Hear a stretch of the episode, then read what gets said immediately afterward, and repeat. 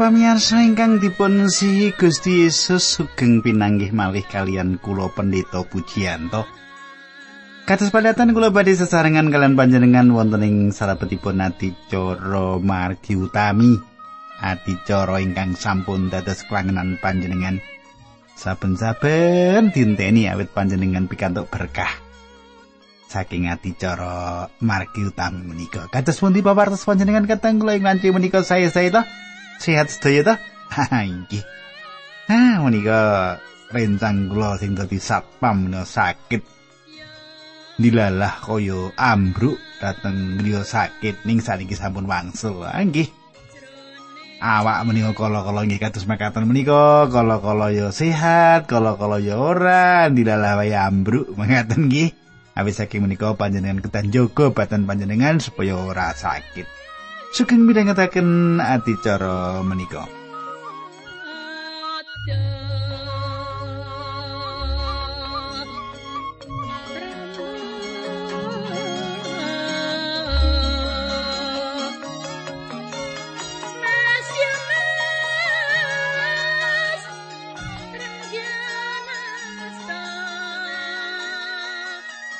Para pamirsa ing pepanggihan kepengker kita sampun nyemak kados pundi Abigail budidaya ngendhekaken Daud ingkang kepingin sanget mejahi Nabal kagungipun. Nah, kateng kula kita lajengaken ing dinten menika.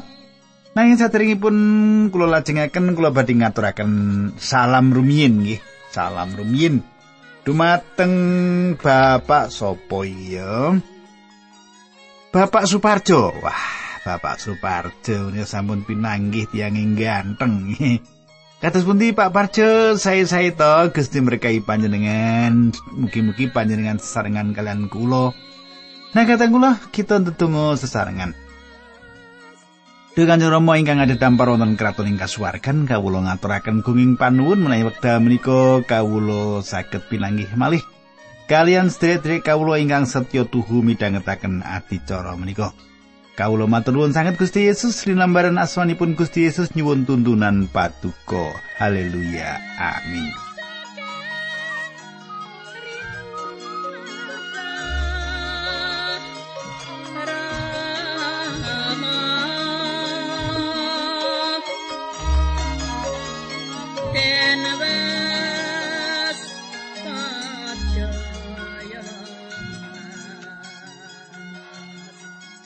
Para pamirsa samenika pasinaon kita sampun lumebet ing setunggal Samuel selangkung. Lan kula wiwiti ayat selangkung awit kepengker kita sampun dumugi ayat 24 makaten nggih. Monggo panjenengan semak kula badhe maosaken ing basa petinan sampun galih nabal. Tiang ingkang tanpa gino menika piyambakipun tiang bodho sami kalian tegesipun namani kula mboten sumerep para tiyang ingkang panjenengan utus menika. Para pamirsa tiyang ingkang patekipun awon inggih menika tiyang ingkang boten migunani. Ayat 16 17 18 setunggal Samuel selangkung. Gusti Allah sampun menggak panjenengan males saha mejahi mengsah-mengsah panjenengan Dini samenika atas asmanipun Gusti Allah ingkang asipat gesang kula sumpah.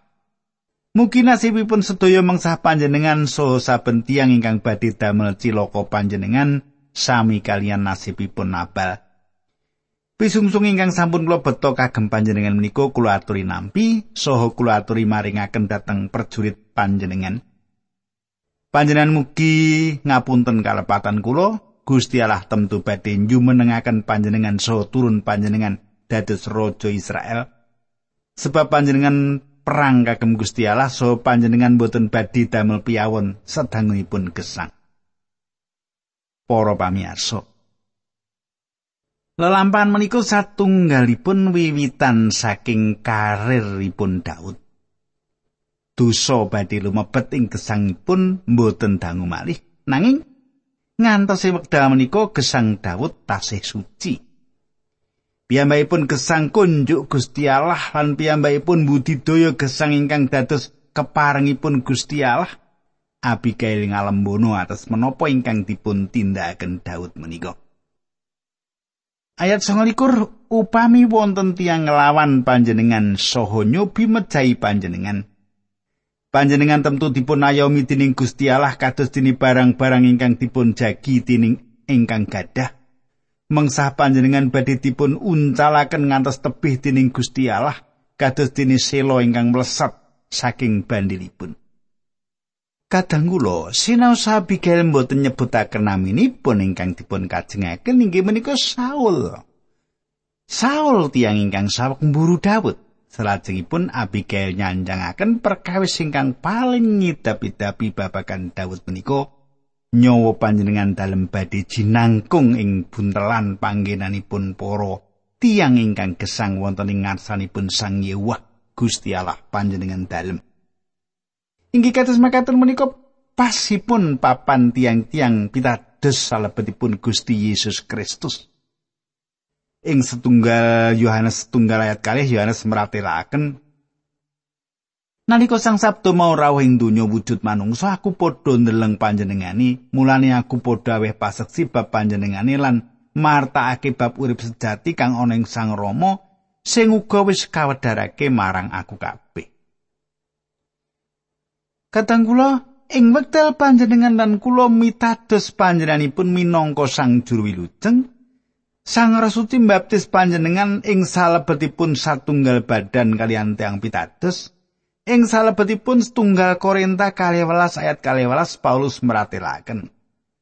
Margo kita kabeh dadi wong Yahudi, dadi wong Yunani, dadi batur tukon, dadi wong merdika, wis padha kabaptis dadi badan siji padha kaombenan ing tunggal roh. Para pamirsa, panjenengan lan kula dipun tuntun lumebet ing salebetipun badan tiang pitados badan Sang Kristus lumantar iman kita dumateng Sang Kristus. Lan boten wonten pengadilan tumrapipun tiang-tiang ingkang wonten ing salebetipun Sang Kristus. Dados kita kacancang ing salebetipun bungkusan gesang sesarengan Gusti Yesus Kristus salajengipun Abigail sanjang. Namung nyawanipun para mengsah panjenengan dalem badhe kabandilaken saking lekokaning bandil. Daud mangertos daya perkawis kegayutan kalian bandil menika salajengipun Abigail nglajengaken.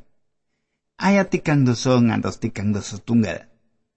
Gusti Allah nindakaken sedaya kesainan dados ingkang sampun dipun ngendikaken dhateng panjenengan saha mboten dangu malih jumenengaken panjenengan dados raja Israel. Ing wekdal menika panjenengan inget bilih panjenengan mboten mejahi tiyang tanpa sebab utawi ngadili piyambak ngantos mboten perlu rumaos sisah saha getun. Menawi Gusti sampun berkahi panjenengan sampun ngantos kesupen dateng abdi panjenengan menika. Para pamirsa. Kulo saged mbayangaken Daud lenggah wonten ing jaranipun ningali dhateng ngandhap wanita menika ingkang sawek lenggah ing siti Wanita menika satunggalipun wanita ingkang ayu lan agung. Tigang dosa kalih ngantos tigang dosa tiga. Daud banjur kondo pinuji Allah yo Allah bangsa Israel sing ngutus kowe nemoni aku ing dina iki. Puji syukur marang Gusti Allah dene kowe bicara sing becik menggak nggonku arep mateni sarta ngadili dhewe.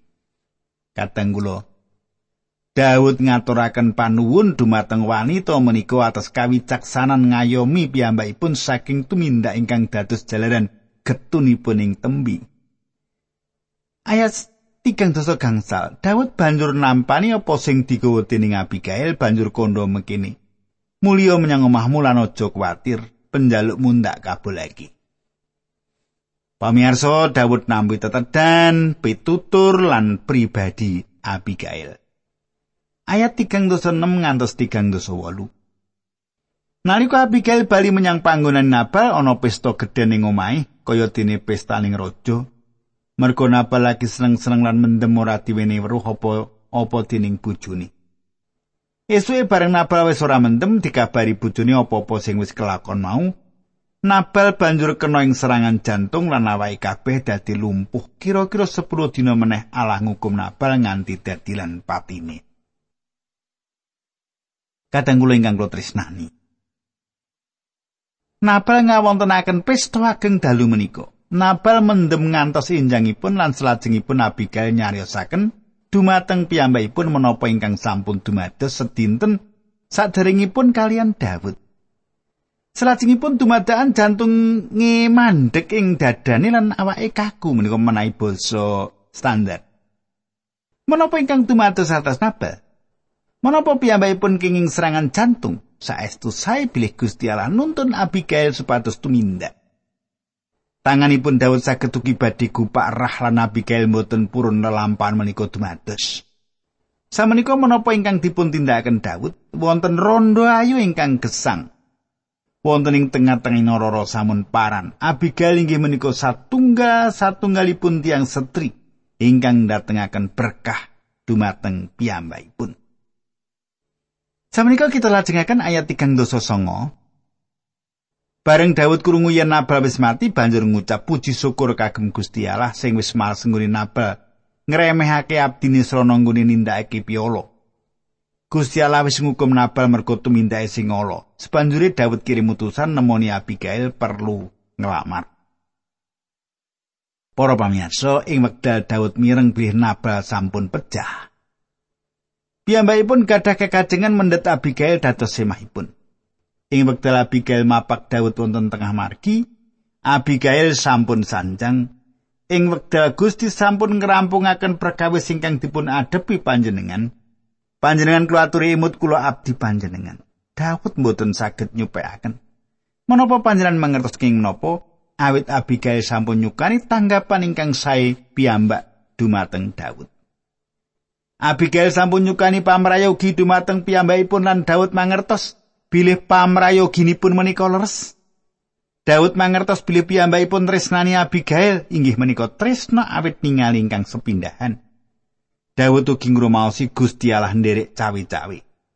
Samenika Nabal sampun pecah.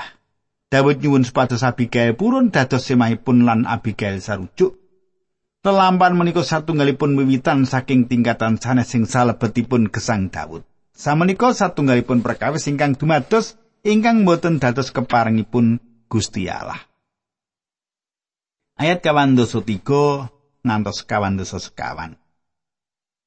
Sadurunge kuwi Daud wis kawin karo Ahinoam saka Yesrael. Laning saiki Abigail yo dadi bojone. Ing sadurunge wektu kuwi Saul wis menehake Mikal. Putrane putri bojone Daud marang Palti anake Lais saka kutha Galim. Kadang kula awet Gusti Allah mestani Daud minangka tiyang ingkang nresnani panjenenganipun. Menapa perkawis menika ateges panjenenganipun ngeparengaken menapa ingkang dados rancanganipun Daud? Mboten. Kita badhe nyemak bilih ing wekdal Daud gadah kekajengan ngedekaken pedalaman suci ingkang megah kunjuk Gusti Allah. Gusti Allah mboten ngeparengaken. Gusti Allah mboten paring palilah Daud ngedekaken pedalaman suci awit dosa ing salebeting gesangipun. kita lumebet setunggal Samuel 6 likur. Kulo ayat setunggal kali. Ing sawijining dina wong-wong saka Sip padha sowan saling Gibea lan ngabari yen Daud ndelik ing gunung Hakila ing pinggiring ora Yehuda. Saul banjur ingkang mangkat karo prajurite 3000 sing becik-becik menyang ora Sip goleki Daud. Kadang kula ing mriki Saul sampun cemawis malih perang. ing salebetipun pambudidaya nyirnakaken Daud. Daud nglolosaken badanipun dhateng ora samun lan Saul mburu Daud. Daud menika satunggalipun prajurit ingkang ngedap-edapi lan piyambakipun saestu apa laladanipun ingkang dados jalaran piyambakipun dados jenderal ingkang lihi, ingkang pinter ahli. Daud ugi gadah pandhere ingkang setya ingkang rila ngurbanaken badanipun kangge piyambakipun lan siap ngayomi Daud. Saul mboten mangertos lalatanipun, para pandhereipun mboten setya lan Saul malah gadah jubriya dumateng pandhereipun. Samenika kula lajengaken setunggal Samuel 6 ayat 3 lan sekawan. Saul pasang kemahing pinggir dalan cedhak gunung Hakila, Daud sing ana ing ora krungu yen Saul goleki, banjur ngirimake telik sandilan oleh kabar yen Saul ana ing kono. Katang kula Daud mboten pitados bilih Saul badhe lumebet ing satunggalipun lalatan ingkang mboten dipun mangertosi. Daud ngintunaken telik sandi kangge ningali menapa Saul saestu-estu wonten ing mriku. Para telik sandinipun nyukani mangertos bilih Saul saestu-estu wonten ing ora samun. Ayat gangsal Daud inggal-inggal moro golek ilang bisa nemokake kemai Saul lan Abner anak Ener. Kemai Saul ana ing tengah dene para prajurit ana ing sakiwa tengeni. Katanggulo Daud wonten ing satunggalipun papan kangge ngawasi ing pundi Saul lan prajuritipun wonten sawetawis Daud lan para pandherepun singitan ing ora-ora. Ayat 6 pitu makaten surasipun. Daud banjur takon karo Ahimelek wong Het sarta marang Abisai sedulure Yoab ibune Yokwi Seroya sapa sing wani mlebu bebarengan karo aku menyang sakjroning kemah Saul Abisai ngucap kula Ing bengi kuwi Daud karo Abisai mlebu ing kemah mau lan Saul ketemu lagi sare tumbake tumancep ing lemah ing sandingi mestakane Abner lan para prajurite turu ing sakiwa tengene Saul. Daud lan Nabi Saul lumebet ing kemahipun Saul lan ningali sakiwa tengenipun. Saul sawekti lem wonten ing guwa kangge nglindung dipun kupengi dening para prajuritipun ing caketan wonten tombakipun ingkang tumancep ing siti. Ayat 8 lan 9. Tembungi Abisai marang Daud ing dalu menika Gusti Allah sampun masrahaken mengsah sampeyan dateng sampeyan. Kulo sampeyan lilani numbak piyambakipun ngantos tembus sing siti sepisan kemawon boten perlu ngaping kali. Nanging Daud kondo aja, aja kok ganggu. Gusti Allah mesti bakal ngukum wong sing tumindak ala marang raja sing dipilih dening Gusti Allah. Katenggulo sepindah malih Daud gadah wewengan mejahi Saul nanging piyambakipun nampik nindakaken. Daud mboten badhe mejahi tiang ingkang sampun dipun jebati dening Gusti. Samenika ayat dosa demi Allah kang gesang. Aku ngerti yen panjenengane piyambak sing bakal numpes Saul, mbuh yen wis wektune mati, mbuh yen ana ing peperangan. Dawud sanjang Gusti Allah badhe ngurus piyambakipun. Dawud atindak alasan watonan ingkang wonten ing salebetipun Ibrani sedasa ayat 3 dosa. Aku kang bakal nindakake paukuman, aku kang bakal nindakake pemales. Kula lajengaken ayat 11 ngantos 12. Gusti Allah menggak anggonku arep mateni raja sing dipilih dening Allah, dicupuk wae tumbak lan kendini, banjur kita tinggal lunga. Daud banjur njupuk tumbak lan kendini sing ana ing sandinge sirai Saul banjur lunga. Ora ana wong siji wae sing ngerti utawa tangi, sebab Gusti Allah nyirep wong-wong kuwi kabeh. Para pamirsa, Menapa ingkang dipun tindakaken Daud menika mboten angel. Piyambakipun mendhet tombakipun Saul lan kendinipun mboten wonten satunggal tiang kemawon ingkang bungu awit Gusti adamel tiang-tiang sedaya menika tilem. Ayat 13. Daud lewat siji ngare liyane tekan puncake gunung nganti dheweke lan kemahe Saul lete aduh. Kadang kula Samenika Daud mundur saking kemahipun Saul nanging piyambakipun mboten wangsul dhateng para pandherekipun. Koso wangsulipun piyambakipun kesah ing papan ingkang sanes saking kemahipun Saul lan ngandhek ing sisih pucuk gunung. Papan menika satunggalipun papan ing pundi piyambakipun saged kanthi gampil mlajeng menawi wonten ingkang ngoyak piyambakipun. Ayat 14, 15, 16, pitulas makaten Daud banjur mengoki Abner lan prajurit Saul. Abner, apa kowe krungu pamengokku? Abner uga bengok. Sapa sing bengok-bengok? Wangsule Daud Abner. Kowe ora wong sing hebat dhewe ing Israel. Yo kene kowe ora njaga bendaramu Sang Prabu. Lagi wae ana wong mlebu ing kemahmu arep mateni bendaramu. Tanpa guna nggon menindakake kewajiban Abner. Demi Allah kang kesang kowe kabeh kaya wong mati. Sebab ora njaga bendaramu pilihane Allah. Coba delengen. Tumbake Sang Prabu ana ngendi? Kendine sing ana ing cedhake mestakane ana ngendi Saul ora pangling karo suarane Daud banjur takon apa ya bener kowe Daud anakku wangsulane Daud inggih Sang Prabu Katanggulo Daud ngino Abner Daud sanjang dumateng Abner bilih sang raja saged kemawon pejah kapejahan. Ing wekdal menika sang raja lan para pandherepun wiwit pungu lan tiang-tiang sami tanglet ing manah menapa ingkang sampun dumados. Salajengipun Daud sanjang ana ngendi tombak lan kendini Saul. Tombak lan kendini wis ora ana ing papani. Nanging kang penting Daud mboten mejahi sang raja. Piyambakipun gara patra ingkang saestu sae gegayutan samukawis. Wonten kalanipun kita mbudidaya ngrampungaken sedaya masalah kanthi kegiatan kita piyambak lan budidaya atur wangsulan sedaya pandhawa kita lan ngrampungaken piyambak kalian tiang-tiang menika. Daud mitadosaken dumateng Gusti lan panjenenganipun ngurus Saul selaras kalian wekdal ingkang sampun katontokaken. Cetha nggih. Nah, kita lajengaken ayat selangkung. Saul banjur ngucap marang Daud, "Gusti Allah berkahi kowe anakku." bakal kalaksanan apa kang kok lakoni Daud banjur nerusake lakune dene Saul kundur Katenggulo sinaosa pindah malih Saul ngakeni pilih piyambakipun lepat lan boten badhe ngoyak-oyak Daud malih. Daud mangertos pilih menika namung asipat sawetawis kita manggihaken pilih manahipun Daud saestu sanget cuwo. Piyambakipun boten jenjem kanthi kahananipun ingkang kedah mlajeng-mlajeng lan singitan ing guwa-guwa. Kadang kula ingkang tresnani panjenengan menapa sampun cetha nggih kados dene Daud. Ora salah ora apa-apa dikuyo-kuyo dioyak-oyak nggih kali ratune sing kudune ngayomi piyambakipun. Ora mung ratune nanging ugi maratuwane. Kadang kula kados menapa ngeruse ngati ngraosaken gesang ingkang kados makaten menika. wewengan sampun dipun paringaken Gusti Allah dumateng Daud. Nanging inggih menika Daud ajri awit Saul menika dipun jebati dening Gusti Allah. Nah kadang kula menapa panjenengan saged ngajeni sederek-sederek ingkang tinimbalan dening Gusti Allah. Tinimbalan dalas abdinipun, tinimbalan dalas pelatesipun. Panjenengan ketah ngajeni tiang-tiang ingkang kados makaten menika.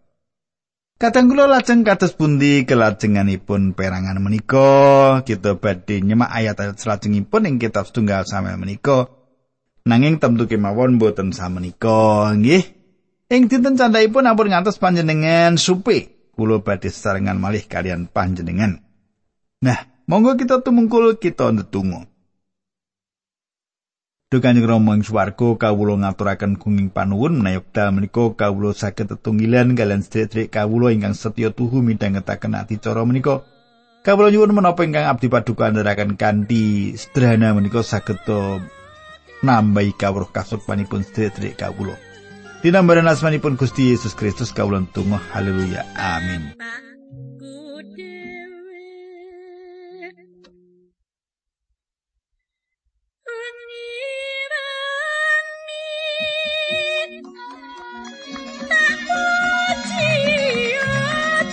Yeah.